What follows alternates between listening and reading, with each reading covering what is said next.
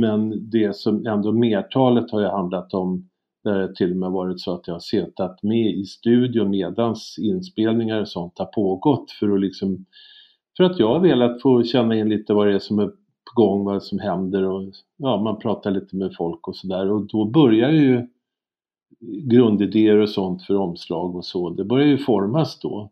Oh, låt mig höra den en sista gång Spela hennes älsklingspodd med Peter LePaul Oh, låt mig höra den sista gång Spela hennes älsklingspodd med Peter LePaul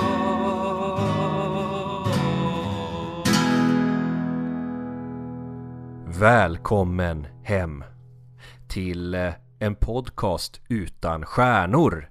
En podcast som levererar mirakel varje fredag. En podcast som gör slut på alla ord. Eh, som ni märker kanske veckans ordvitsar hade ett visst Buick-tema. Jag heter eh, Tony och eh, jag pratar med Emil. Och jag har direkt två frågor till dig. Ett.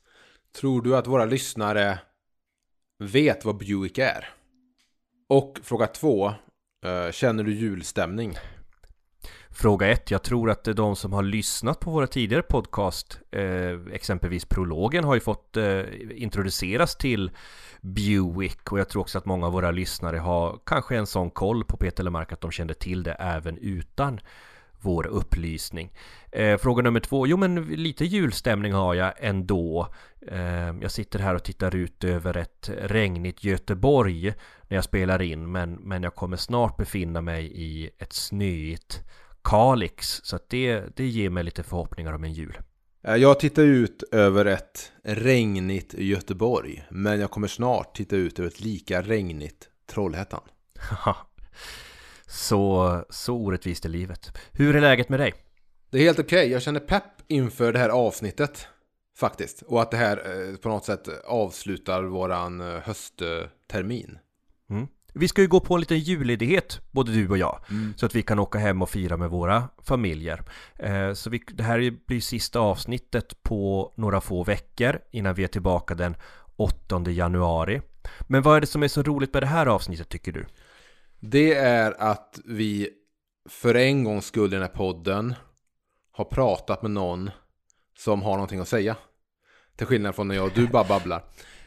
Um, för vi har nämligen satt oss ner och pratat med en kille som heter Lasse Ermalm som är formgivare och som formgav eh, Peter Marks genombrottsskiva och eh, uppföljaren där, Närmare gränsen, Välkommen hem och sen eh, det sista han gjorde med Peter var eh, Little Willie John-singeln.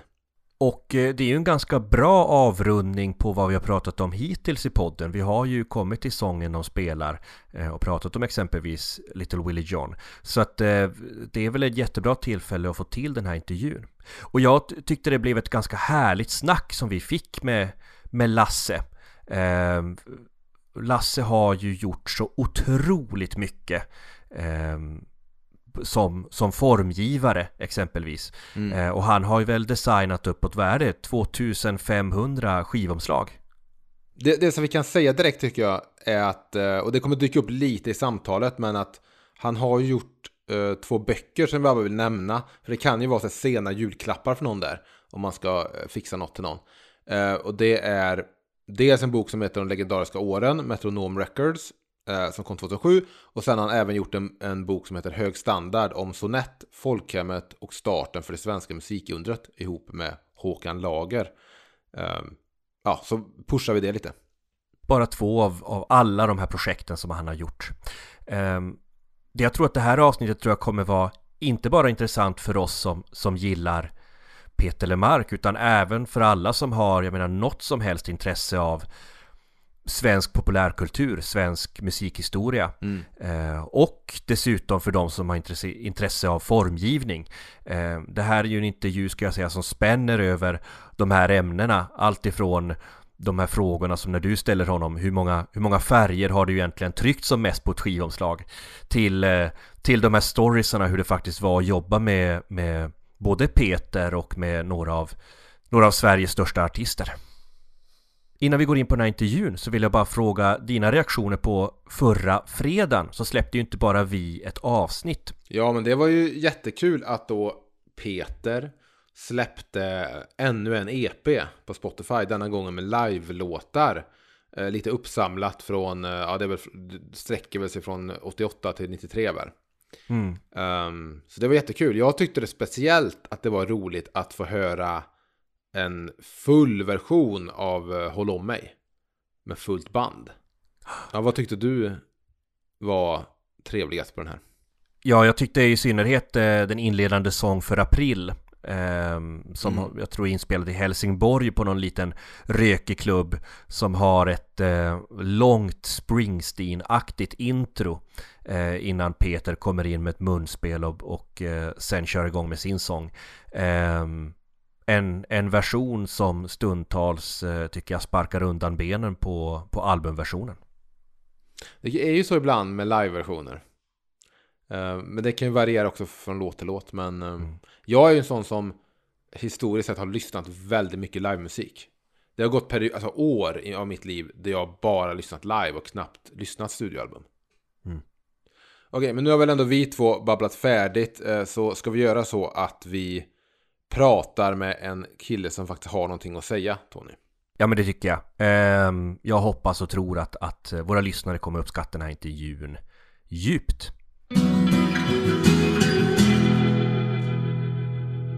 Hur kom det sig att du började jobba med formgivning? Vart kom det intresset ifrån?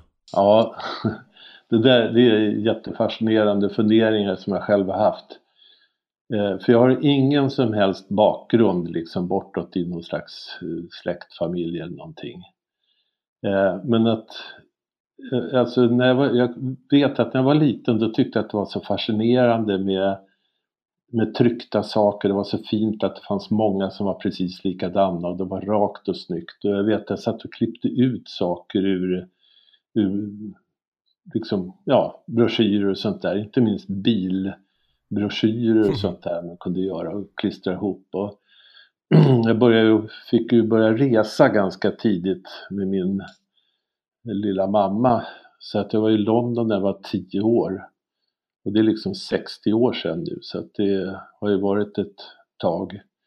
Och då de där fotoalbumen som finns på den tiden som jag nu nyligen har gått igenom och skannat lite prylar ur så inser jag att här finns det en hel del talang i det hela när det gäller att göra layout på sidor.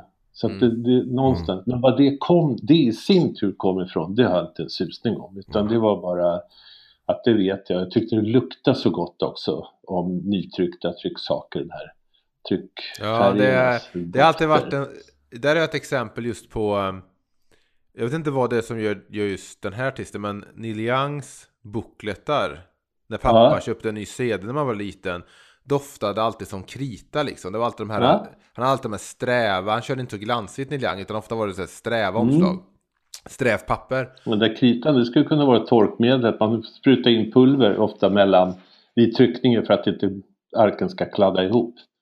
Det är någon slags kritpulver. Ja, sen att det blev skivomslag. Den, den grejen handlar om att jag, eh, när jag gick i gymnasiet, så i samma klass så gick John Holm och faktiskt även Roffe Wikström. Roffe på den tiden, han spelade redan med Slimnotinis Blues Gang och, och tjänade till med pengar på det och så. Så han var liksom en, ja, rätt ung proffsmusiker redan i plugget. Medan Jonte, eh, där satt vi hemma hos hans mamma Alice på, på Lilla Essingen. Och även hemma hos mig, vi satt och spelade Bob Dylan och ja men allt det där som man gjorde så då. Mm. Så där började det där med att lära sig spela gitarr och, och eh, ja, börja ja, spela och sjunga och stå i. Mm. Och eh, utifrån det sen så småningom, eller det, det finns ytterligare en story runt, jag vet inte hur mycket vi ska gå in på det nu. Eh, men där det blev mer människor inblandade och vi blev en större konstellation som kallas för underground failure. Och Mm. då, då eh, så blev det någonstans att Ja men som typ Jonte så blev det kontrakt med Metronom så småningom och gick vidare med att spela. Medan jag inte tyckte att jag var lika bra på att spela. Jag jag gick till bas för det var fyra strängar på. och så. Eh, men så fanns ju det här tryckintresset och det här med musiken. Ja men då landar man ju i att det här med skivomslag är väl en bra idé. Och jag gick då på Bergs reklamskola, kom in där och eh, det första jag gjorde då som var, blev, ja, som kom ut utåt var ju då Jontes Sordin då. Och den gjorde jag precis efter att jag kommit ut från Bergs då, då så att säga. Om jag får stanna upp lite vid, vid Underground Failure, för det är ju Mm. ett eh, band som har en viss le, legendstatus eh, eh, inom eh, en viss, eh, viss smal musik eh. Just för att ni var ju så många, många namn där som, som senare gick vidare. Ja, ja. Det var ju du, det var ju Stefan Wermelin då som sen blev radiolegend om man får säga Mm. så. Ja. Det var ju väl Roff, Roffe Wikström var väl med där också. Och, Ja, han var egentligen inte med i själva det. Han, han var in, in, eh, plockades in ibland som gästmusiker ska, kan vi framföra. Ah. Han in, ingick faktiskt inte Ja. som, som eh, medlem på det sättet faktiskt. Men ändå, ja. Ja, jag förstår. Ja. Och sen John Holm då som, som Mm. eh, också blev en väldigt intressant artist sen. Så att, att du var ju liksom, hade ena foten i det och jag tänker att ha andra foten i reklamvärlden. Det måste ju varit två helt skilda världar, liksom den här alternativkulturen om man får säga och, och, och det mer kommersiella. Hur, hur mottogs det liksom bland folk? Alltså det var ju egentligen ganska så här efteråt rätt, rätt kul egentligen och rätt fascinerande att där det blev som mest polariserat och liksom tydligt och där jag fick på skam lite emellanåt det var ju att det, då när MNV hörde av sig till mig och vi undrade om jag, för att det blev ju att jag fick jobba med fler och fler skivbolag, det var ju inte bara Metronom, det var i princip alla utom EMI under en period. Och när jag började göra omslag för MNV och det, det blev ganska mycket ticka på. Det var ju inte helt välsett bland eh, väldigt många utav prog- proggsvängen, alltså att någon reklamkille kunde komma in och hålla på med det där. Så, eh, men alltså jag själv har jag aldrig haft något, något problem med det för att jag, jag har ju liksom i själ och hjärta mera tillhört proggsvängen än vad jag tillhört reklamsvängen. Men eh, samtidigt liksom, jag ville ju hålla på med, med formgivning och, och det och vi hade jag jobbar på väldigt bra ställen helt enkelt. Sen var det ju inte så lång tid. Alltså jag jobbade ju bara i sex år och sånt där som anställd. Mm. Sen blev det att jag klev ur och fortsatte som, som frilansare helt, satt hemma och jobbade. Så jag har kört sån här kon, vad heter det, eh, coronastuket, det har jag gjort hela livet kan man säga. Och då, då, ja men för mig var det ingen skillnad egentligen att göra ett omslag för, för eh, Mikael Wiehe eller göra ett omslag för Thomas Mm. Ledin eller ja, vad vi nu ska dra för några. Mm. Själva jobbet och själva grejen är precis densamma. Ja, jag förstår. Mm. Så då, eh, 74 kommer Lackkort ligger, John Holms. Mm. Eh, och det är då samtalen börjar komma och sen då är eh, då tio år fram till Bättre Mark så jobbar du i princip enbart med, att, eh, med skivomslag. Ja. Jag hållit på med det i 20 år. Det är lite märkligt.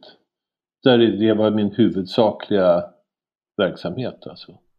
Hur, hur många andra finns det i Sverige som, eh, eller hur många andra känner du som har jobbat så koncentrerat kring skivomslag så som du har gjort? Alltså, hårdraget ska jag påstå att ingen har gjort det. Sen Mm. finns det de som har gjort sig lite mer namn som de som kom lite efter mig på något sätt och började fylla på som Style for Every Mood. Johan Wipper och, och eh, ja, nu tappar jag namnet på honom. Eh, Kent Nyberg.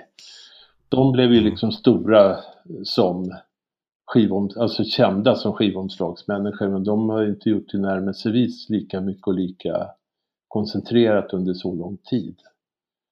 Eh, Mm. Och på den tiden när, när jag höll på som mest så var det egentligen att det fanns några till som då ändå i någon mån eh, hade en kontinuerlig just gjorde skivomslag men de var anställda på skivbolagen.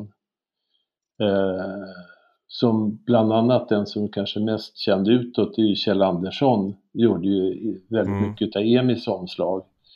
Han var egentligen mer art director, alltså så, han gjorde ju väldigt lite egen, alltså eget konkret jobb. Jag gjorde ju liksom allt från art direction till utgörningen, alltså själva hantverket också. Vad tror du att du har för egenskaper som har gjort dig till så populär eh, ehm, art director för det här?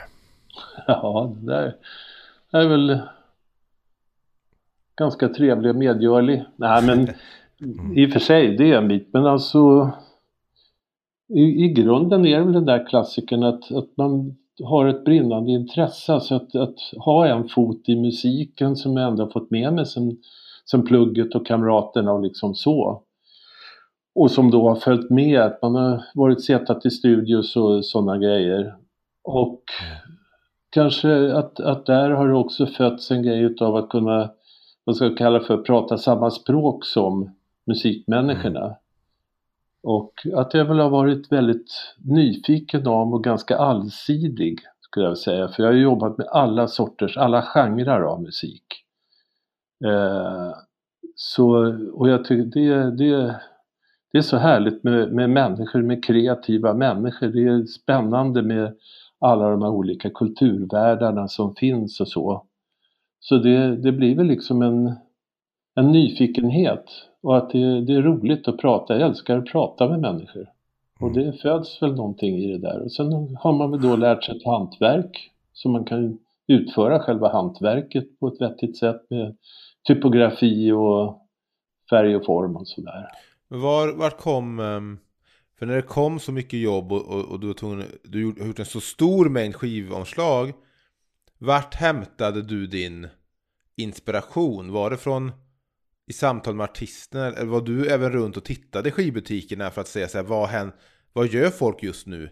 När det kommer till skivomslag och vad finns där ute?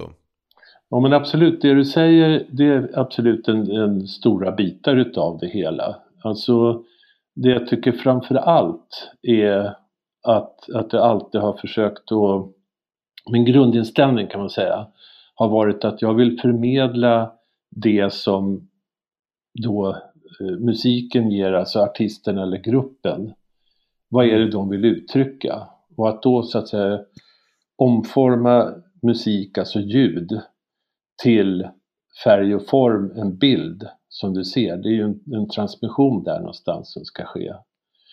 Eh, så där finns ju den biten. Men sen när det gäller eh, det man då kallar för inspiration.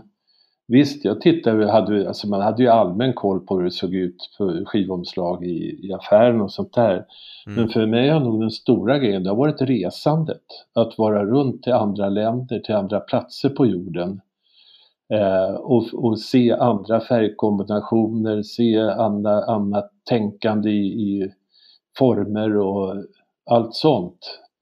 Eh, det, det, det tycker jag att jag har fått med mig mycket, mycket mer av som jag tycker är en så viktig del. Och det är ja, det här med att skapa en väldigt bred, allsidig syn på omvärlden. Och att, den, att ta, ösa ur den till när man ska... Jag kan säga ett, ett, ett, ett extremt tydligt exempel på den grejen var faktiskt ett omslag som uppenbarligen har blivit rätt så om, eller uppmärksammat. Det är Commando Musse Pigg. Det röda det. omslaget. Det, det kom, alltså kom till så att när eh, Alltså de i bandet och plattan höll på att spelas in och man var där och kollade. Och ingen ha- hade någon idé. Alltså det hade ingenting att ta på från bandet. Vad, vad, vad vill ni? Plattan skulle heta Mot stjärnorna. Ja, det kan man det finns ju något man skulle kunna. Men det var ändå liksom inget som riktigt fick fäste. Och då av någon anledning, och jag vet inte fan riktigt varför, men i alla fall, då hade jag då några år innan varit i Kina och där det fanns en liten, någon slags utgivningsserie, alltså typ alltså EP eller singlar, alltså det formatet. Eh, med då typ Kinas nationalsång. Och den typen, det fanns det för mig fanns någon gymnastikplatta också, vad fan det var. Men de, alla de där var just det här, det var en röd botten med då kinesiska skrivtecken i guld. Och jag tyckte Mm. att de där var skitsnygga, jag tyckte de var så, ja men de var ju klockrent fina liksom. Och de stod ju egentligen för ingenting annat än, ja liksom något eh, kinesiskt sådär. Och då kanske möjligen om man tänker att det, man skulle se någon slags kontrast mellan Musse Pigg och Kina eller något sånt där. Men Mm. jag vet inte, alltså, och jag, jag vet, det var bara det att jag, jag hade tänkt att jag skulle gärna vilja få göra ett sånt skivomslag. Och så står jag plötsligt i situationen att ingen vet, det finns ingen idé på vad det ska vara till den här plattan och det här. Det är liksom bara renons på alltihopa. Varvid jag inser att här kan jag applicera den här grejen på, visa det här och föreslår det för dem och alla tänder och så blir det gjort. Så det är lite kul. Udda variant. Kan jag bara nämna då ett gäng artister du har jobbat med på väg mot Peter Mark så att vi bara vet, får lite koll på ändå vidden av artister du har jobbat med. Mm. Då jobbar du som, som vi sa då, du har jobbat med John Holm, du har jobbat med Kenta, vilket är helt roligt. Du har jobbat med Eva Dahlgren, Blå Tåget, Lena Philipsson, Pugh Rogefeldt, Roffe Wikström, Tant Strul, Ola Magnell, vilket också är väldigt intressant. eh, Kjell Höglund och även med Ebba Grön och eh, Imperiet och så. Ja. Men sen då så blir det då troligtvis 1986. Och då får du ett samtal från MNV om att vi har den här killen Peter Lemark. Mm. Minns du på något sätt hur du ehm, starten där? Hur era vägar korsades, din och Peter Marks? Nej det, nej, det kan jag inte riktigt. Om jag, om jag träffar Peter kanske vi skulle kunna komma fram till det gemensamt. Men, ja, alltså, det, det rimliga är det att alltså, bland allt möjligt annat som MNB då hörde av sig om och hade på gång, Mm. att det här dyker upp. Och då är det väl där, Peter har väl då gjort några plattor innan så det var ju ändå någon man kände till. Mm. Eh, och ja, att det var, något, det var väl något mindre skivbolag där i sammanhanget. Men att han väl då att han blir upplockad av, eller om han plockar in sig själv på, på hos MNV då. då. Och då att, att det från deras sida kommer att ja men eftersom jag jobbar mycket med dem och de tycker jag är bra så blir det väl att, att de frågar om det. För första skivan han gjorde hos MNV innan du kom in i bilden var den här famösa Marmor. Mm. Eh, som har ett omslag där kanske den grafiska utformningen lämnar lite att önska. Mm. Det här, det här omslaget då för vita skivan Mm. eh, som i viss mån är eh, mer eller mindre klassiskt eh, med, med Peters Peters framåtlutade huvud i, i Mm. bilden och, och eh, bröllopsfoto i, i bakgrunden. Mm. Vad, vad minns du av, vad var den, den diskussion som uppstod om, om hur omslaget skulle komma till? Alltså min känsla runt det hela var att eller alltså nu, min känsla nu för vad vi pratade om då handlade om att Peter ville göra något som skulle vara, vad ska jag säga, för mig att begreppet lyxigt kom in. Alltså att det skulle vara sobert och lyxigt och liksom väldigt snyggt så. Mm. Jag vet inte Mm. om det är då kanske någon motreaktion mot de tidigare på något sätt. Men vad- hade inte han gjort någon platta, hette inte den Cirkus Cirkus, den står med någon apelsin eller någonting? Ja, eller om det är bollar han jonglerar med.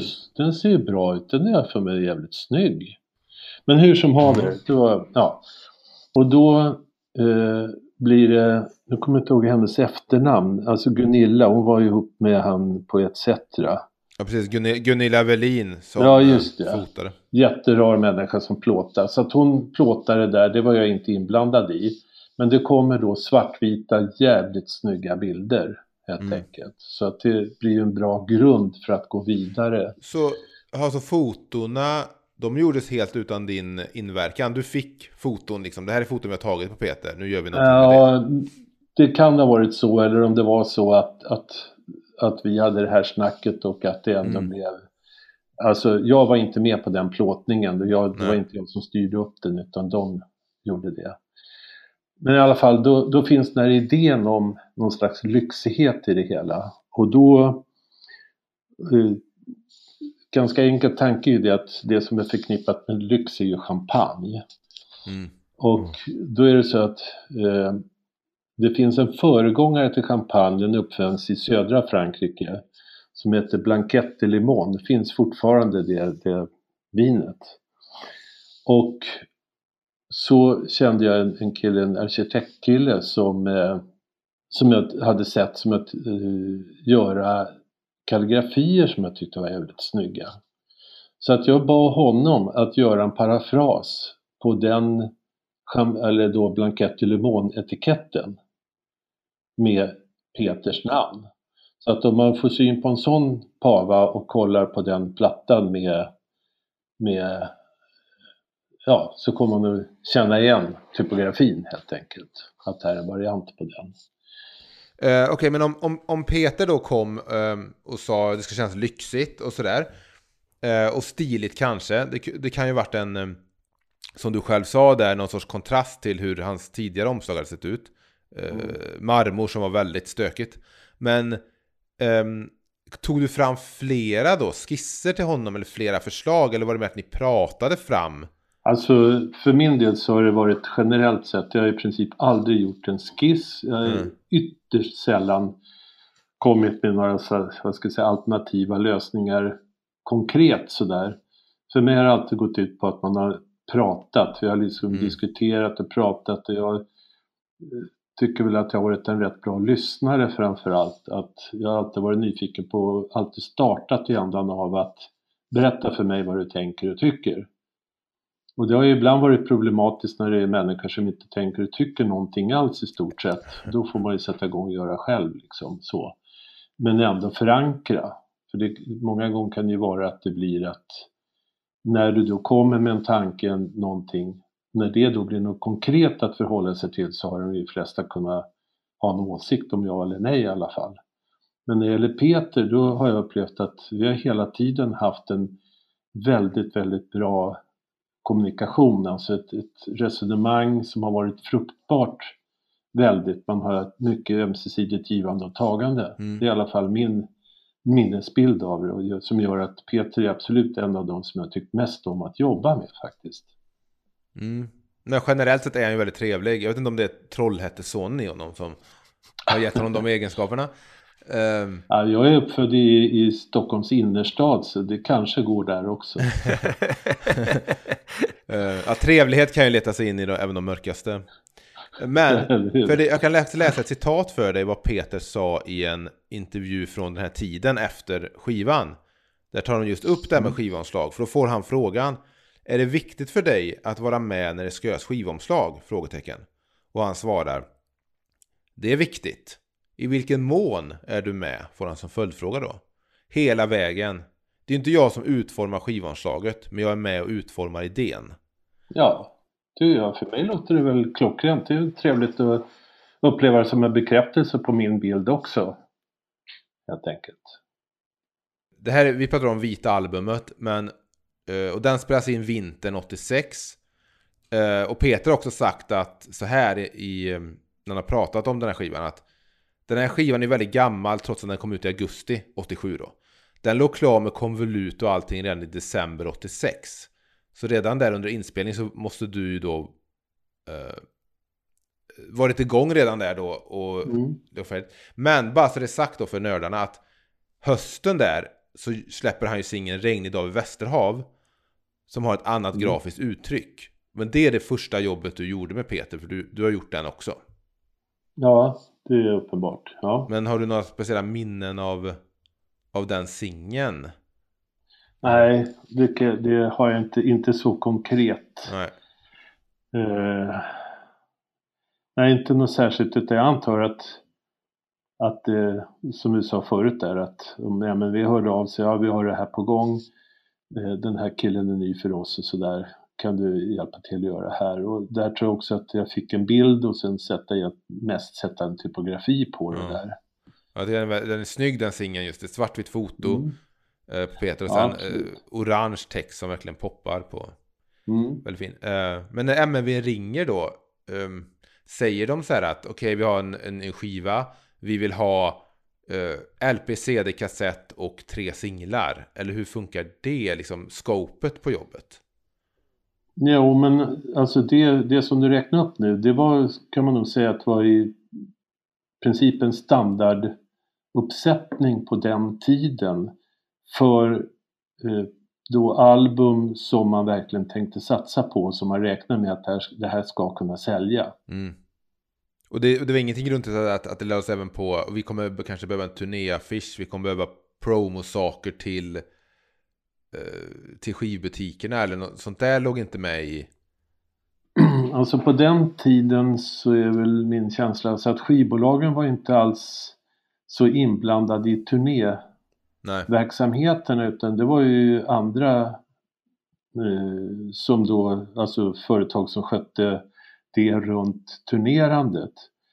Mm. Och en annan lite intressant kul grej när det gäller alltså LP-tiden när det gäller promotionmaterial så var det ju det att på den tiden så behövde man i princip inte göra någonting mer för att LP-omslaget var ju en sån idealisk skyltmaterial. det var Ja, till ja. och med så att ute på SIB-tryck som tryckte omslagen i princip alla som gavs ut i Sverige på den tiden. Eh, de, eh, de hade till och med en stans så att skivbolagen kunde då beställa att det då en smärre del av upplagan, den, den alltså skivomslagets upplaga, då eh, innan man vek ihop det till ett omslag så stansar man också ut ett så kallat hjärtstöd i ryggen på baksidan, Mm. inte i ryggen utan på baksidan av, av omslaget. Alltså en sån här där man kan vika ut som en, någon slags trekant som blir som ett stöd på Mhm. baksidan. Ja, ja, ja. Så då fick de ut då, då x antal hundra sådana. Eh, alltså som var ordinarie skivomslag men hade den där extra stansningen bak till där man kunde vika upp och då ställa upp dem i skyltfönstren. Och det var ju många gånger i princip allt som gjordes när, på den tiden. Sen när CDn kom, då var det ju något helt annat. Den lilla CDn funkar ju inte speciellt bra i ett skyltfönster. Då kom ju allt, en störtflod utav då pappgubbar och affischer i allehanda märkliga format, högsmala som ska få plats på pelare och allt vad det var för någonting. Om man, om man kollar på det här just den, den vita skivan med eh, Peter framåtlutad och det här bröllopsfotot. Eh, vad tänker du idag? Vad säger det skivomslaget tänker du för en för någon som går förbi ett skyltfönster och ser den skivan? Vad, vad är det man vad är det man så att säga tänker och tror man kommer höra på en sån skiva tror du? Oj, ja. Det syns ju väldigt bra i den allmänna Mm. flödet av synintryck i ett, skiv, skivomslag- eller ett skivaffärsfönster. Eh, Just i med den här ganska stora rena ytan, rätt enkla bitar på den men framförallt den här ytan helt enkelt. Mm. Så den tar ju sin plats av sig själv. Liksom. och sen tycker jag att det är rätt svårt att svara på vad det där säger eftersom menar, det är en av de plattor som man nästan kan utan till för att det är så jävla bra. Eh, så för mig associerar ju den direkt till de där Vägen får det så längt och allt Mm. vad som är på den där härliga. Mm.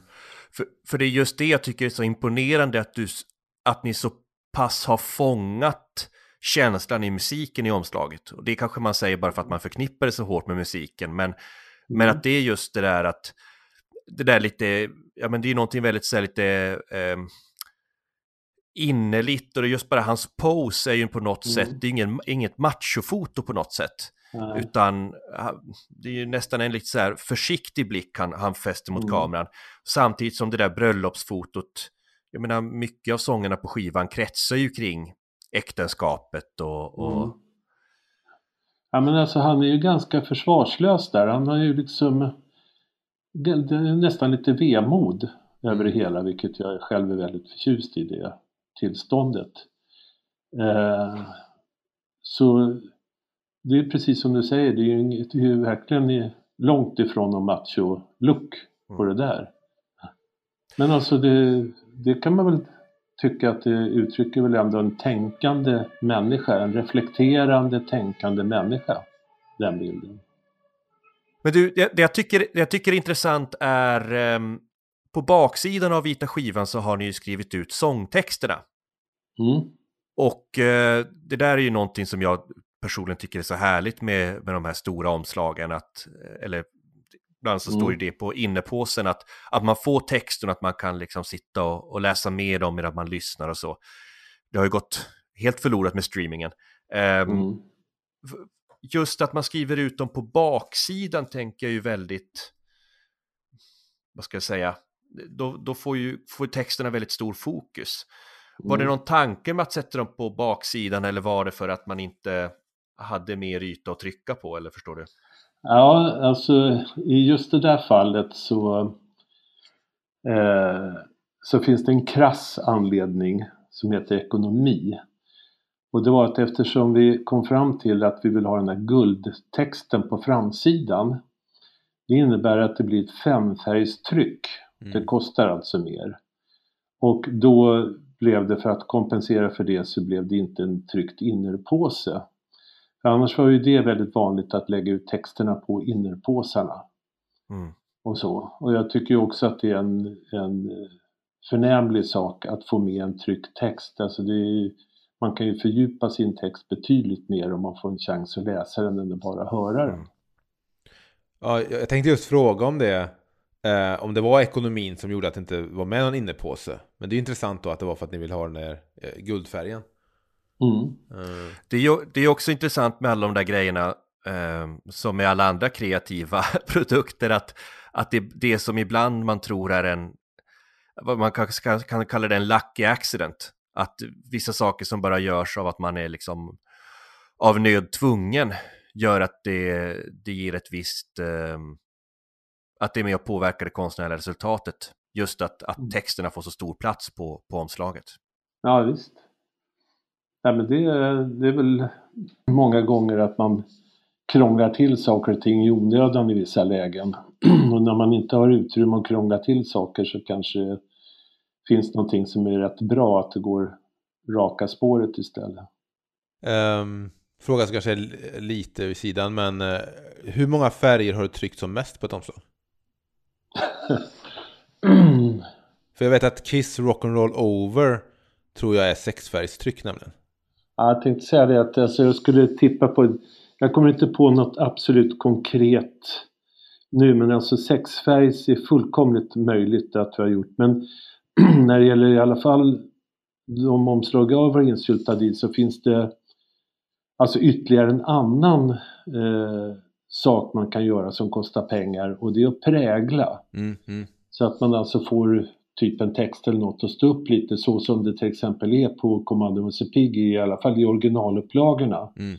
Så var guldtexten där var dessutom präglad så att den alltså stod upp lite ur pappret. Ja. Eh, och just där att göra präglingar det var jag riktigt förtjust i kan jag säga. Det, gick att göra, eller det går ju att göra väldigt mycket fina grejer med det, fina effekter utav det. Men sen då, för att det, även den här skivan gick ju lite segt i början. Första singeln eh, var Vägen där som inte gjorde något avtryck. Eh, men sen kom ju Håll om mig och det var det som breakade Peter. Mm, just det. Eh, har du någon, något minne eller någon känsla av det här att Åh jävlar, nu har Peter Mark blivit stor och nu börjar skivan som jag designade bara flyga av hyllorna. Mm. Ja men alltså, det må möjligen låta förmätet och så men alltså redan vid den där tiden så hade jag gjort ganska mycket skivomslag för rätt mycket eh, artister av olika dignitet. Mm. Så att såklart tycker jag att det är skitkul när det går bra och liksom framförallt om det är något som man då personligt gillar extra mycket och så. Ehm, men jag vet inte, jag, jag har aldrig riktigt lyckats bli sådär starstruck över saker och ting för att det här, för mig var det ändå en slags vardag. Alltså det, jag gjorde ju, under, när det var som mest så gjorde jag liksom ett, ett LP-konvolut i veckan jävlar. per år. Och liksom, då är ju det ett pågående så det innebar ju att alltså under en månad så hade jag ju varit i några studios några gånger och Nej, men du vet, det, det blir liksom ett, ett pågående, en process som ständigt pågår med olika människor och på olika så. Alltså som en kuriosa grej ute på Sibtryck där, det här tryckeriet i Norsborg då som tryckte i princip allting. Så hade de ju på körcentralen där så hade de en, en, en hylla där det då på varje hyllplan så stod då de olika skivbolagen som Metronom och Polar och så vidare. Och då, för en av de där hyllorna stod det var Ermalm på eftersom jag jobbat i så mycket olika bolag så var det enklare för dem att det som skulle till mig ja, hamna på sin egen hylla så att säga. Men idag, om den här skivan har kommit, då finns det en stor, stor chans att, att, att det kommit en vanlig utgåva, men sen har det kommit någon som var på guldfärgad vinyl och så här. Och så kanske CD-ON hade fått en mm. limegrön version och sådär. Vid den här tiden, eh, var det en diskussion som man ändå hade så här, ska vi färga vinylen? Eller var det någonting som...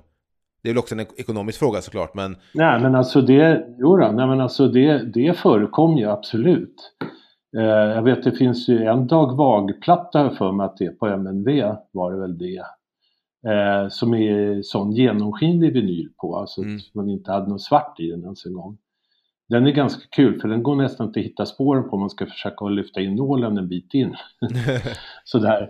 Men alltså det där, alltså det gjordes definitivt på den tiden också med lite olika färger. Framförallt, alltså det finns en föregångare är ju då popsinglarna innan egentligen LPn blev stor när det gjordes vinylsinglar. Mm. Eh, av diverse popslag. De fanns ju en uppsjö av i olika färger hit och dit också. Det var ju ganska kul kan ju kolla på eh, omslaget på sonettboken som Håkan Lager jag gjorde här för några år sedan. Så är det en bunt sådana singlar som pryder det omslaget. Ja, precis. Idag är väl skillnaden dock att eftersom man inte säljer så mycket skivor längre så måste man försöka sälja det som en, en inte en lyxprodukt, men mer att man, man måste liksom, det här är någonting man måste verkligen ha och så försöker man sälja nästan, artister försöker nästan sälja flera skivor till samma samma fans. Och då blir det som att, mm. som att den färgade vinylen verkligen kom, kommit bara för att skapa det där. Eh... Ja, men precis, ja, men det har ju givetvis ökat på hela den möjligheten eh, och så att säga effekten utav detta hela. Eh, så är det ju, mm. absolut. Och sen är det, alltså där som du var inne på, alltså det, är ju, där, det du sa nu var ju också, det är ju fundamentet till varför LPn har återkommit så pass ordentligt som den ändå har gjort nu efter några år. Eh, så är det ju just, där blir ju då alla streamingtjänster blir ju reliefen till det hela. Att till slut så är det ändå människor som är väldigt mer konkret intresserade av musik och artister och hela den världen. Mm. Att man då skapar någonting som man vill äga, som man vill hålla i, alltså som finns det värdet i. Eh, en kul parallell mellan dig och Peter var ju att när Peter kom till MNV så har han själv sagt att, att det fanns, han beskylldes för att vara en kommersiell artist eftersom han hade legat på Trend Records, eh, vilket ironiskt nog var ett ganska litet bolag. Eh, men att, eh, som han själv beskriver i alla fall, var det många av proggarna som, som tyckte att det var konstigt att MNV skulle ha en så pass kommersiell artist hos sig. Eh, och du beskrev ju själv att, att eh, när du kom till MNV och, och du hade gått reklamskola, att folk höjde ögonbrynen på det? Eh. Ja, nej men alltså, inte för att direkt har tänkt på det så, men jag tror säkert att du kan ha en poäng i det och det var ju absolut så att det på, eh, alltså även på bolaget fanns motsatt, motsatta upp, alltså eh, idéer om vad de skulle ge ut och inte ge ut. Och där Peter säkerligen var en, en ett problem, ett, problematisk för många. Mm. Och inte minst eftersom han dessutom ställde höga krav på vettiga inspelningar. Mm. Alltså mm. att, att det skulle låta bra. För att alltså så mycket av det som kom ut på MNV med deras skraltiga mixerbord där ute och eh, nerrökta tekniker och grejer. Så var det tyvärr, det får ni sparka på mig om ni vill. Men tyvärr var det en sanning på många sätt. Och det, ljudmässigt så var det ju bara katastrofer, mycket av det som Mm. kom ut. Till skillnad till exempel från Silence med Anders Lind Mm. som var ju en, ett alltså ut i fingerspetsarna ljudmänniska som har gjort bara sådana grymma grejer. Eh, så ja, det, där, det där var ett, ett, Mm. en, en rätt rörig situation egentligen då som hade så mycket olika förtecken som var relevanta eller måttligt relevanta i sammanhanget. Sen följde du ju upp samarbetet med Peter när ni gjorde Närmare gränsen, uppföljande skivan. Mm. Var det ofta så att när du hade gjort en skiva med en artist var det nästan självklart då att ja, nu ringer MMV när nästa artist när nästa skiva med artisten kommer också? Alltså inte mera självklart annat på annat sätt än att jag gjorde väldigt mycket och var väldigt anlitad. Mm. Eh, Men jag, hade ju, jag har ju aldrig haft något kontrakt med någon eller någon förväntan på det sättet. Sen är det klart att man var ju, blev väldigt glad om man kunde få, alltså fick fortsätta och göra saker tillsammans med människor som man verkligen uppskattar och verkligen tyckte om alltihopa som kom ut så att säga. Det är absolut. Har, du, några- har du några minnen av hur samtalet gick inför uppföljaren där då? Alltså närmare gränsen då?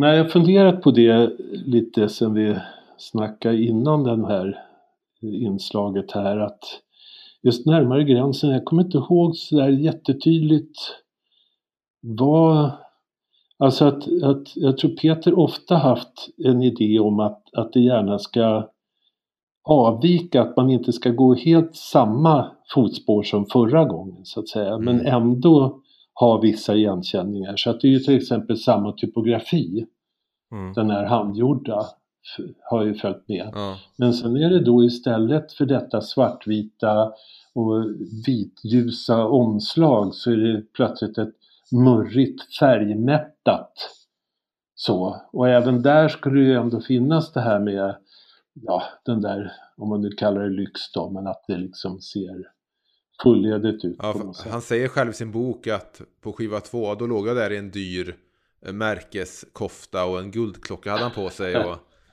Ja jävlar, så kanske jag också är, just det. och Ja. Här är foto taget av Tony Sandin. Vet du om, du, Ja. vet om det, att du ändå hade fixat ihop fotograferingen den här gågen? Eller var det via MMV? Ja, vid det, här, det är det här tillfället. Tony och jag jobbade tillsammans väldigt, väldigt mycket under väldigt lång tid. Mm. Eh, och det är ett samarbete som jag uppskattat väldigt mycket för vi hade också så eh, bra diskussioner och, och sånt det här med att jag kunde förmedla från artister och, och grupper och så till Tony, berätta för honom det är det här och det här handlar om. Det finns de här de här grundidéerna att stå på och hur går vi då vidare och löser det. Eh, För det var ju ibland att vi byggde upp scenografier som till Perssons pack vid något tillfälle. Eh, så man verkligen byggde upp en pryl i studion, Mm. eller Nina letar UFO, där var det en, en som fick måla upp en, en himmelsbakgrund. Det var liksom alltså ovanligt mycket då såklart. Det här är ju mer en normal plåtning men där man ändå har tänkt igenom vad ska vi ha för ljussättning på det här, att om det blir lite Rembrandt-läge, det här med att snarare måla med mörker än att måla med ljus Mm, mm. och så. Så att eh, det, det, den typen av, av tankar fanns det säkert i det här. Ja, det är väldigt så suggestivt. eh, Mm. Tycker jag. Det finns, eh, ja. Jag tycker det funkar bra ihop med Det är musik. lite kul med hans leriga boots på baksidan, eller jag vet inte om det var leriga, men det är i alla fall slitna boots där på baksidan som Ja. tar ner det hela på marken igen kanske i förhållande till guldklocka och märkeströja då. För nu har ni ju valt att stoppa in låttexterna i gatefolden. För nu, nu blir det ju gatefold här då, inte uh, single sleeve. vad tror du det beror på?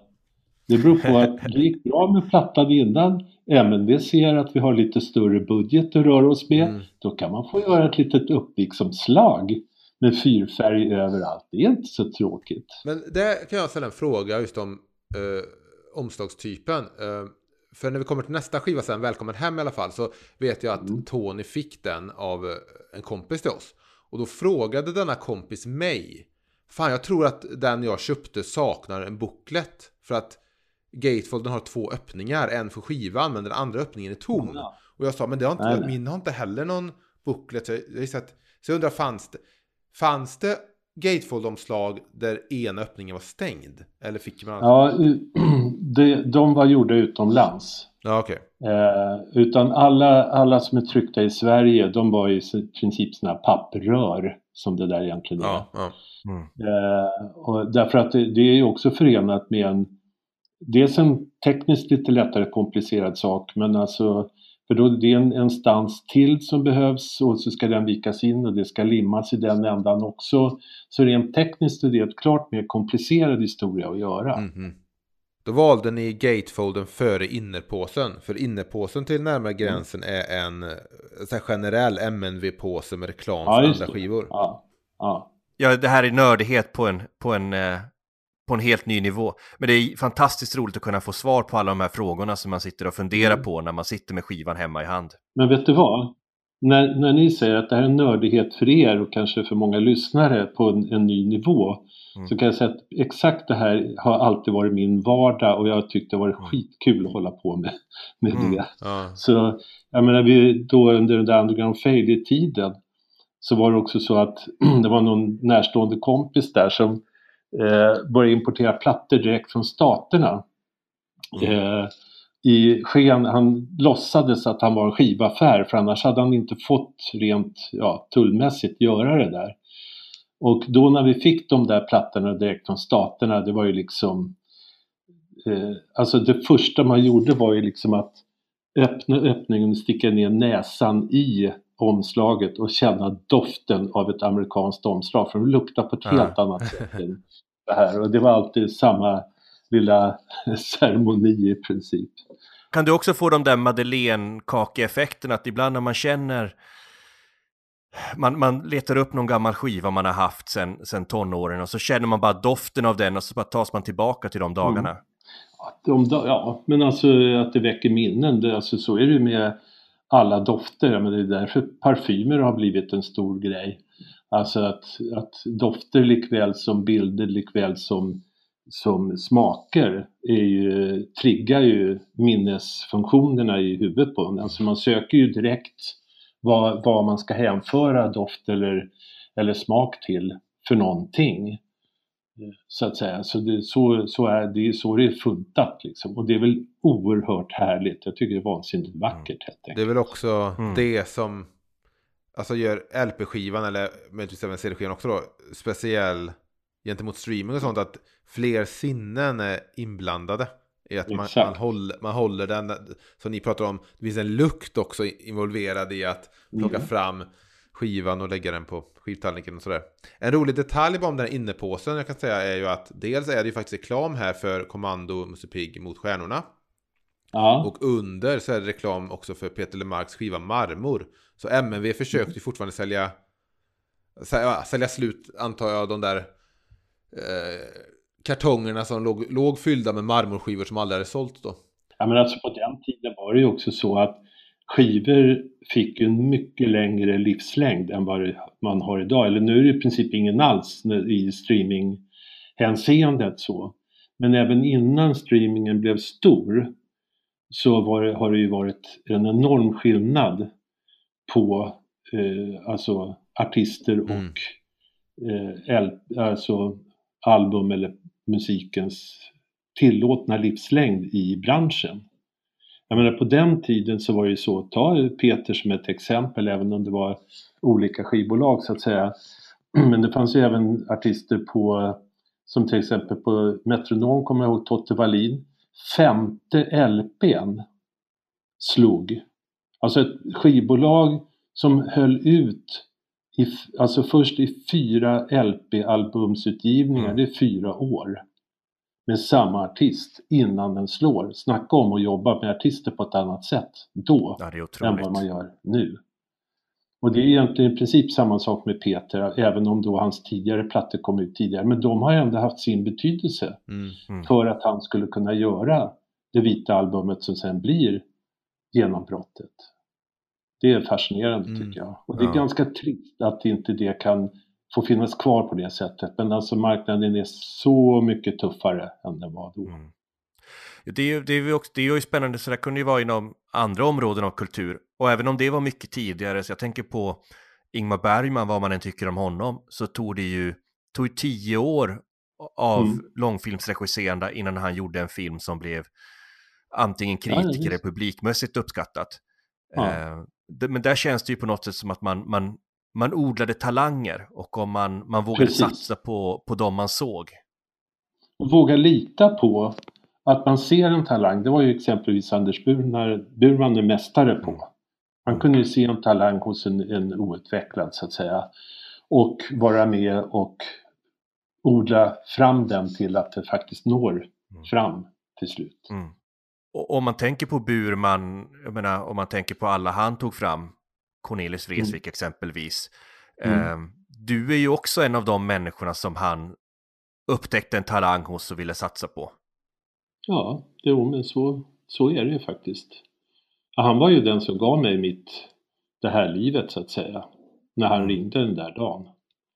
Så eh, det är jag honom evigt tacksam för. Men det var därför som Håkan Lagerö också, det var min grund för att sätta igång projektet och göra den här boken om metronom som kom ut, det var ett tag sedan, det var väl sju, åtta år sedan. Eh, upprinnelsen till det är, var ju att Anders ringde mig en, en dag och sa du, kan du hjälpa mig att fixa till den gamla metronomlagen, ta bort metronomordet i den, för jag ska ha den i min dödsannons. Alltså då får man ju rätt mycket, jag ska säga, perspektiv på vad saker och ting handlar om. Liksom. Han Ja. hade åkt på cancer och grejer och visste att hans dagar var räknade. Sen levde han bra länge till efter det. Tack och lov, så vi hann att göra den här boken. Men det gav ju mig incitamentet till att, ja men för fan den här mannen kan ju inte bara försvinna från jordens yta Mm. utan att han har blivit ordentligt dokumenterad, uppmärksammad, alltihopa. Och det är då, så alla där ute då som lyssnar, det är alltså boken De legendariska åren, Metronom Records, som kom 2007. Har ni planer på en tredje bok ihop? För ni släppte även en om sonett sen också. Ja, det finns planer men de kan vi låta vara där hem för det är bättre att se till att de blir av innan. Det, det, är inte en, det är inte en biografi om Peter Mark. Nej, det är det inte. Eh, nej, men det är liksom pandemin sätter ju stopp för olika saker och ting så man får liksom avvakta och se hur saker och ting förlöper liksom. Så. Men vi hoppas. Men för att återgå bara till närmare gränsen, för då när den här skivan släpps så, då de här två omslagen som går väldigt mycket, ni använder samma logga då för den här handritade. Mm. Fanns det, minns du om det fanns någon tanke på att okej, det här är formen för artisten Peter. Det här är hans logga och det här är så vi kommer köra med omslagen. Ja, alltså det där det, det finns ju alltid som en slags generell idé och det är ju många man kan köra så med. Jag menar praktexempel på sånt det är ju ändå dansbandsplattorna. De har ju samma logga precis överallt, precis hur länge som helst. Ja. Eh, och så ska det vara med det, det är inga konstigheter. Även hårdrocken hör väl hemma i den genren. Jag menar, se på Motorhead och sådana grejer. Mm. Eh, men just inför närmare, eller vad säger jag, eh, Välkommen hem Mm. så finns det en rätt säregen historia och vi eh, med utgångspunkt också från eh, känslan att, att, att Peter ändå ville göra något annorlunda, något nytt. Det, det låg liksom med redan från början att nu ska vi inte fortsätta på de, på de här två uppslagen utan det ska vara något annat. Och då var det faktiskt så att eh, ja, plattan är ju på gång, han har väl börjat spela in och sådana grejer. Och eh, det börjar eh, närma sig jul. Och då dyker upp ett litet julkort till mig på posten från Peter. Eh, som han då har eh, gjort själv. Eh, med hjälp av en polaroidbild och en, eh, en fotostatmaskin eller alltså en ja, kopiator.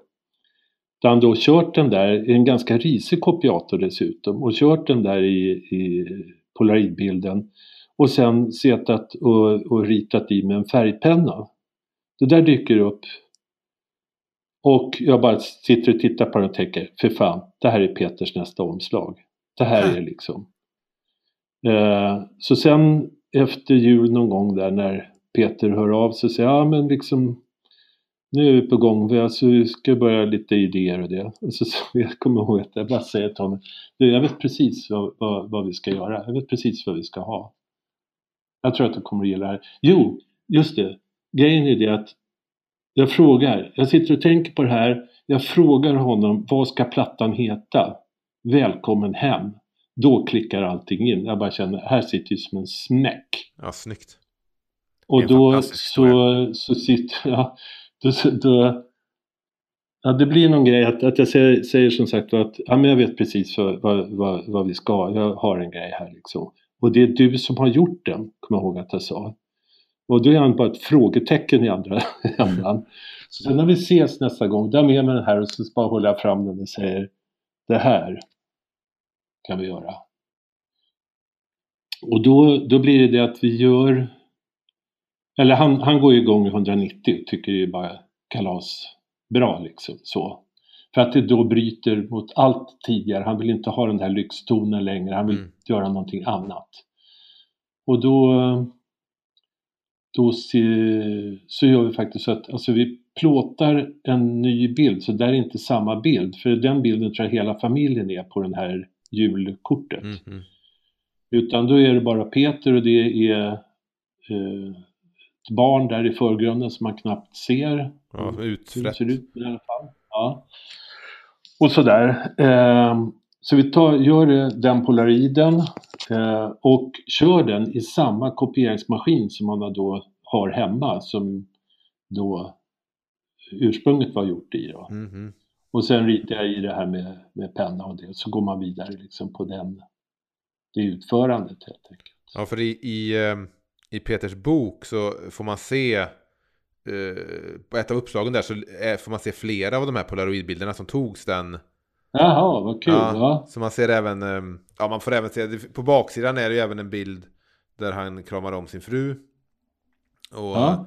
Och på singlarna sen så används ju även andra bilder från den här sessionen då. Ja, precis. Fotografen där var Annette Palm Wigart, eller, eller fotade hon Fotade hon även polaroidbilderna eller fotade hon bara bilden i gatefolden? Den mer uppställda bilden? Nej, men hon, jag har för mig att hon gjorde, gjorde det där också. Eh, för att det där höll för mig att vi gjorde hemma hos dem.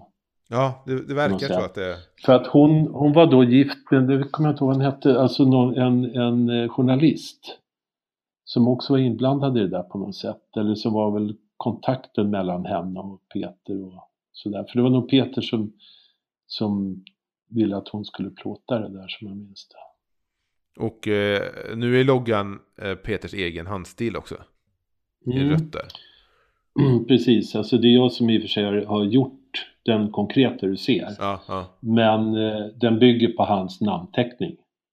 Jag har faktiskt gjort det där en, en samma grej fast med helt annat utförande tidigare. Det är för, för Thomas Ledin ut på stan. Mhm. Den loggan som jag gjorde där, den bygger också på hans namnteckning.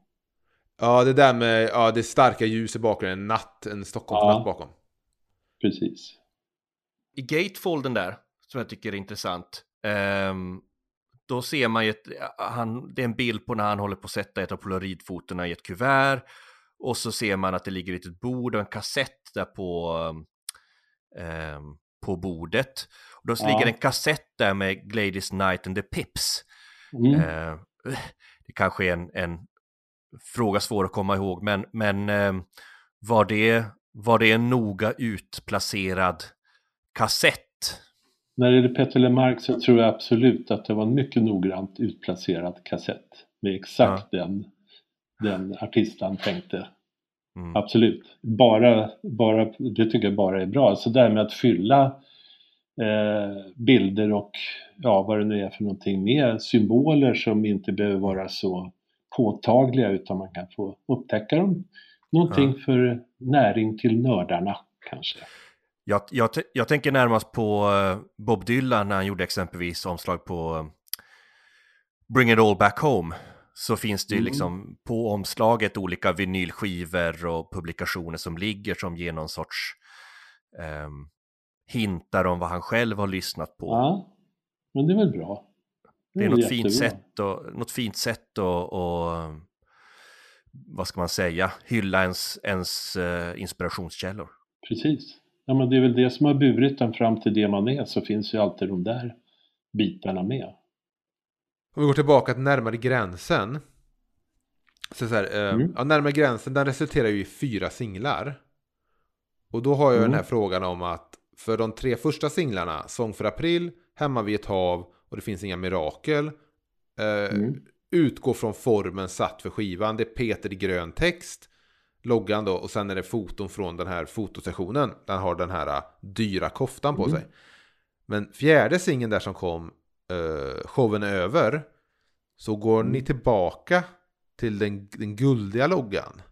Och det är bara Mm. frågan om du vet vad det berodde på. Väldigt nördig fråga. Ja, det, är- ja men det där är alltså också en, jag ska säga en kommersiell aspekt. Eh, Eller det visar sig, jag tror faktiskt att det där var den gång som det plötsligt blev så oerhört klarlagt ett problem med, alltså som formgivare vill man ju gärna ha då en konform layout och det ska, man tycker att det är helt rätt att det hänger ihop då. Alltså en singel är en rider för albumet. Mm. Och som vi pratade om förut någon gång där med att ofta så släppte man ju då en singel innan albumet. Många gånger en sing- singel ungefär i samband med albumet och sen en uppföljande ett antal månader senare. Så det var ju det där kittet med tre singlar. Mm. Då visade det sig att de som satt på radion, radioproducenterna som la musik, Dick Blomberg och de här figurerna och eh, ja, men alla de här radiopratarna som var väl, välbekanta då. Då blev det ett problem i form av att när singlarna var för lika, som de där är, när du ser dem tillsammans så ser du tydlig skillnad. Ja. Men om du får en sån här platta i ett flöde av en oerhörd mängd övriga plattor som poppar upp. Eh, och så dröjer det ytterligare då en månad eller två innan nästa singel dyker upp. Mm. Då är det, om den då är för lik den första som kom Ja, ja. och sen ännu tristare med den tredje. Så tror du att du redan har fått den, de skippar dem, de blir inte spelade, man tror att ja, den här har jag sett förut och så går det bara försvinner under radarn. Och det där skedde, det visade sig, det var någon, till slut uppdagades det där och man insåg att det här är ingen smart. Och det var ju något att hacka i sig som formgivare för det är klart att man ville att det skulle se fint ut ihop. ja, det är Sådär. snyggt för samlaren men jobbigt för Ja. radio. Ja. Så det gjorde ju då att, alltså, och detta hände, som jag minns det så var det just vid det här tillfället som det här kom upp att, att de från skivbolaget hörde av sig till mig att det här är ett problem som jag har insett. Så nu fjärde singeln så måste vi göra någonting annat. Och då blev den så. Varför den blev exakt så det vet jag inte. Men det var i alla fall rätt tydligt avsteg om man säger så. Ja, spännande och en, um, en inblick då i hur radion funkar på 80-talet. Men om vi då hoppar fram nu då till efter um, Välkommen hem. Mm. För Välkommen hem släpps eh, 1990 och sen vinner då Peter LeMarc sin andra Grammis. Han har ju vunnit efter det vita albumet så vann han ju för bästa manliga artist. Men han vinner sin andra Grammis då för bästa textförfattare den 16 februari 1991. Och, Mm. och eh, sen då, det var i februari, sen i juni så kommer då singeln Little Willie John. Mm. Eh, minns du hur det samarbetet kom till då? Hur, Mm. Ja, men därför att då var det givetvis det här med, eller givetvis, alltså man började fundera på, och plattans utformning där och man ska göra någonting annat än det var tidigare. Den här står ju helt fri för sig själv. Det finns ingenting att så att säga, bygga på eh, någon designidé som är på gång eller någonting sånt, utan den är ganska fristående. Och då blev min tanke att om man var då budgetpris textförfattare, då kan man väl använda texten istället för ett foto. Jag menar, vid det laget var ju Peter så välkänd så det fanns ju ingen sån där jättenödvändighet att presentera honom på foto vid det laget. Eh, utan det räcker ju lätt med namnet som sådant. Och då att finna bara en, en enkel men ja, kanske lite lyxig återigen form och då använda texten som bildelementet. Det var den tanken som uppstår. Och jag tror att det där hängde också ihop med att mm, när jag varit hemma hos Peter att det hände att han hade, jag får mig att han till och med att jag sett att någon text som var under bearbetning, att han hade den uppsatt på väggen. Och att jag sett att han kunde, nu minns jag inte om det är så på den här singeln att man ser det, men eh, att där kunde det vara så att, att han hade den utskriven på maskin, men att vissa ord, så hade han skrivit alternativa ord ovanför och under. Mm. Alltså ord som också var sångbara i texten men som kunde vara annat som då gav en annan nyans eller en annan innebörd av textraden. Så att det ingick i liksom hans bearbetning av texten som sådan, att han la ner så mycket jobb på den grejen. Och det tyckte jag var väldigt fint. Mm. Och då kändes det väl, ja, rätt.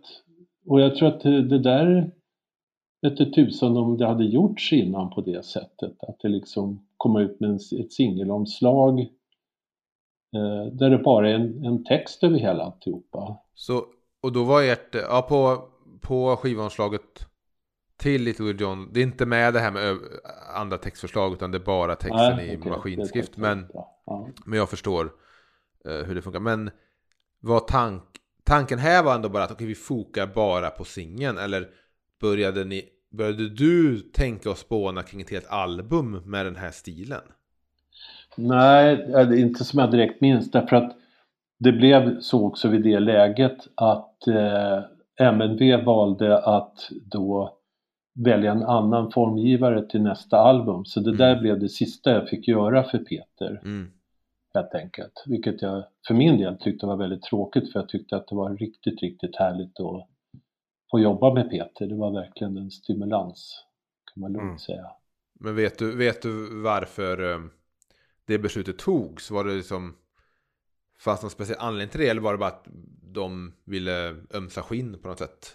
Ja, alltså så, det där finns ju som, det kan man ju gå vilken managementkurs som helst egentligen så får mm. man ju det där som en grundbult i att man aldrig ska ligga kvar för länge med samma leverantörer för att det, ja, det går i samma hjulspår utan mm. att det finns någon slags egenvärde i att då byta leverantör eh, av ja, vad det än är för att därmed få ny input och det har liksom inte något direkt egentligen med ekonomi eller, eller att man är missnöjd eller någonting sånt utan mer bara att det finns någon slags värde i så. Och jag menar, han har ju fått en hop kanonfina omslag gjorda mm. efter detta mm. liksom. Med lite annan attityd så här. Mm. Och vad tycker du om det omslaget som kom till albumet Sångerna spelar? Ja, men det, för det är väl där, han går balansgång va, på någon... Ja, precis. Ja, precis. Där, svartvitt så. Ja, men det är ju skitfint. Och jag tycker titeln är helt jävla underbar. Mm. Och det här, det här är ju 90-talet, så då kom... CDn har ju kommit och CDn tar över här nu under början av 90-talet. Mm. Hur kände du som formgivare inför det? Förde nackdel CD, LP och allt det här? Ja, det var ju liksom många som sa Åh, är det inte ledsamt? Är det inte skittråkigt som formgivare att hålla på med det här lilla fjuttiga liksom så. Men för min del så var det ju alltså någonstans lite kul att byta format och sådär. Och där jag tycker att även om det då man fick tänka lite annorlunda med det här mindre formatet, alltså när det gäller plottrighet, hur pass plottrig är den bild eller den mm Eh, design man gör på en framsida, det får man ju se upp med lite mer. Mm. Men sen så blev det ju mer när det gäller en viss dramaturgi i ett, i ett texthäfte och liksom det vart ju mycket annat runt omkring som också var väldigt kul att hålla på med. Eh, och eh, det här med skyltmaterial var ju också något som då verkligen gick upp ganska rejält. Att att eh, till varje CD så var, vart det en, en, ja, en skaplig mängd annat material som också skulle göras i andra format. Det jag tycker är så eh, otroligt häftigt med, med dig Lasse, och det som jag, gör mig så glad över att du har varit med här och velat prata med oss, det är ju liksom den här unika positionen du haft i nutida svensk musikhistoria. Alltså på så sätt att du har jobbat med alla de här klassiska skivbolagen. som sagt Anders Burman och det gänget. Eh, du har jobbat med en sån otrolig bredd av musiker Mm. och var med och etablerat så många bilder som vi liksom kopplar till svensk filmhistoria, allt, eh, skivhistoria. Ah, exempelvis, eh, jag tänker på den här eh, vad heter det, Magnus och Brasse-omslaget, Varning för barn, fram till liksom, ja, men de här om, omslagen med Peter till, till Thomas Ledin, till Monica Zäta. Ehm, Mm. Och på så sätt har du ju egentligen haft en, som sagt, en unik position då i och med att det är, ingen, det är, det är få andra som har kunnat jobba så över det breda spektrat. Hur, Mm. eh, hur känns det när du liksom tittar, tittar tillbaka på den delen av karriären? Det måste vara en otrolig stolthet. Ja, men det, det är definitivt. Alltså, jag tycker det är... Framförallt så är det fantastiskt att jag, jag är en av få förunnat att haft någon slags diffus idé om att det här skulle jag vilja hålla på med, det växer fram, möjligheterna ökar och det tar skruv och ger mig ett, ett liv, en tillvaro som där jag haft bara enormt härligt och kul att få hålla på med det jag gjort. Och känt att jag väl har bidragit i många sammanhang till att, att det har gått bra, att det har liksom, ja men att folk har gillat det som har, har kommit ut. Och jag har ju oftast tänkt att det, mitt jobb, det jag gör, handlar ju om att ge artisten ett ansikte för den här gången, så att säga. Mm. Och de, de som eh, hela tiden får alltså den direkta eh, credden, antingen om det är att man tycker det är fint eller att man tycker det är skitfult och sådär. Det var många som tyckte att Lemarks eh, Välkommen hem var bland det fulaste de har sett faktiskt. eh, det kan ni gärna ta upp med Peter vid något tillfälle, jag tror han kan ha rätt kul historier runt det där. Eh, men i alla fall, att det är ju just artisten som får det. Det är ytterst sällan som jag har fått det Mm. direkt på mig. Utan det blir, och därför har det alltid varit viktigt för mig att göra det bästa jag kan för att det här ska bli något som artisten kan stå för. Mm. Eh, för det är förfärligt om man har hittat på och gjort någonting som artisten är tveksam till och sen får de skit för det också. Det är ju liksom en, en ytterst obehaglig situation. Men så mig vetligt har det inte inträffat och det är jag väldigt gl- glad för. Mm. Faktum är det att, att eh, jag liksom funderar på om jag skulle säga det här eller inte för ja, att grejen är att precis nu här i faggorna så börjar jag ändå falla lite till föga. Det finns folk som har sagt Åh, ska du inte göra en bok om dina skivomslag? Mm. Mm. Och då har jag alltid sagt att Nej, men det får någon annan göra, någon annan gör urvalet, någon annan gör det. Eh, men det har inte hänt eh, och det är inte något jag direkt har förväntat mig heller kan jag säga. Men nu har jag i alla fall börjat ändå gro på tanken och börja dra lite i tåtar att kanske att jag ändå ska göra det faktiskt här framåt våren. Eh, för jag har en omgång av alla omslag jag har gjort, de står nere i källaren här. Två omgångar har jag redan donerat till något som heter Svensk, Svenskt rockarkiv så att det finns lagrat där. Mm. Men att jag funderar på faktiskt att gå igenom alltihop och se vad jag har för hågkomster och lite så och göra ett urval. För nu går det ju att producera böcker till en ganska rimlig kostnad helt enkelt. Mm.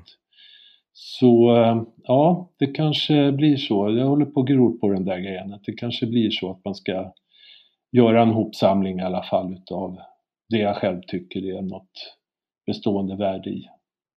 Jag kan ju lova att du i alla fall har två köpare i mig och Emil. Och, förmo- och förmodligen Ja. en hel del lyssnare av Peter podd också nu. Ja, vi får se hur det går med det hela. För jag, alltså egentligen vill jag inte ge mig in i någonting där man ska hålla på och sälja grejer och dona. Ja, vi får se. Men förmodligen på något sätt. För det, det finns ju, det kittlar ju lite också att det vore kul att gå igenom det hela och ja, göra någonting som man tycker blir vettigt i alla fall. Eh, men jag vet ju att ja, du är ju i princip pensionerad nu. Du jobbade ju med John Holm där 2017 på en samlingsskiva. Vet jag. Men... Mm. eh, Just och det, Pet- ja, just det. Kuriosa där. Ja, precis. Mm. Eh, men och Peter har väl signalerat att han inte kommer släppa fler skivor. Mm. Men om han skulle få för sig att fan, jag vill damma av den där första loggan jag hade. Mm. Champagneloggan. Ehm, Mm. Hade, hade det varit kul att gjort en till skiva med Peter i sådana fall? Ja, visst. Alltså när det gäller det där med jobb och inte jobb, jag tycker det är skitskönt att ha lagt av, den saken är klar. Men det handlar ju mycket om att, att under de senare åren har jag jobbat med så mycket annat Mm. än musikanknutet. Även om musikbolagen har aldrig försvunnit helt på min horisont utan det har hela tiden dykt upp. Det har varit boxar och grejer. Den för några år sedan senaste riktigt stora produktionen det var ju en jättebox för eh, Jerry Williams Mm. till exempel. Och sånt där är ju urkul att hålla på med. Men det jag känner nu det är mest att jag driver inte något mer. Om någon kommer och frågar mig så tar jag ställning till det för stunden. För jag har också varit borta rätt mycket de senare åren beroende på att min fru håller på med jorden runt-segling som jag har deltagit i av och till. Och det gör att jag inte har varit här och då har det varit Alltså man sitter på ett Tonga eller något sånt där så uppkopplingen där är måttlig kan jag säga. Så det är inget bra att ha liksom någonting sånt där som måste levereras mitt i alltihopa. Så, eh, men nu, nu sitter man hemma ett tag, vi får se när vi kommer iväg igen. Så snart vacciner och grejer poppar upp så, så ska vi nog fara vidare. Helt enkelt. Eh, Men eh, ja, den som har lust kan höra av sig så kan vi se vad som är. Peter skulle jag absolut gärna ha och i mina diverse rensningar och olika saker så har jag hittat originalet till just den där champagneloggan. Ja, Som jag hade tänkt att höra om han vill ha tillbaka, eller tillbaka, men han, han kanske tycker det skulle vara kul att ha den helt enkelt. Och det är egentligen faktiskt den enda guldskiva som jag någonsin har blivit begåvad med var för just eh, den vita skivan. För att det, det fick ju alltid musiker och ja, Mm. som vi pratade om förut, artisten och så.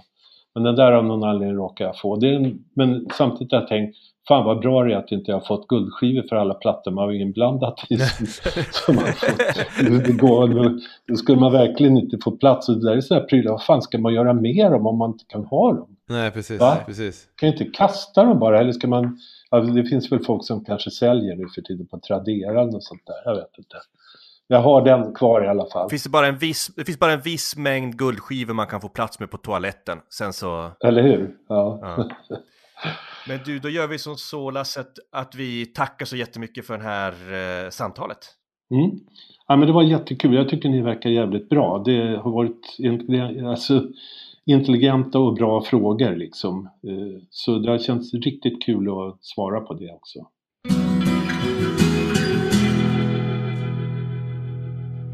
Och med de orden så tackar vi Lasse Ermalm för eh, den intervjun och all den här kunskapen som han delade med sig av, av till oss och alla de här fantastiska storiesarna. Ja, är det inte fantastiskt att vi får chansen att prata med honom ändå, Tony?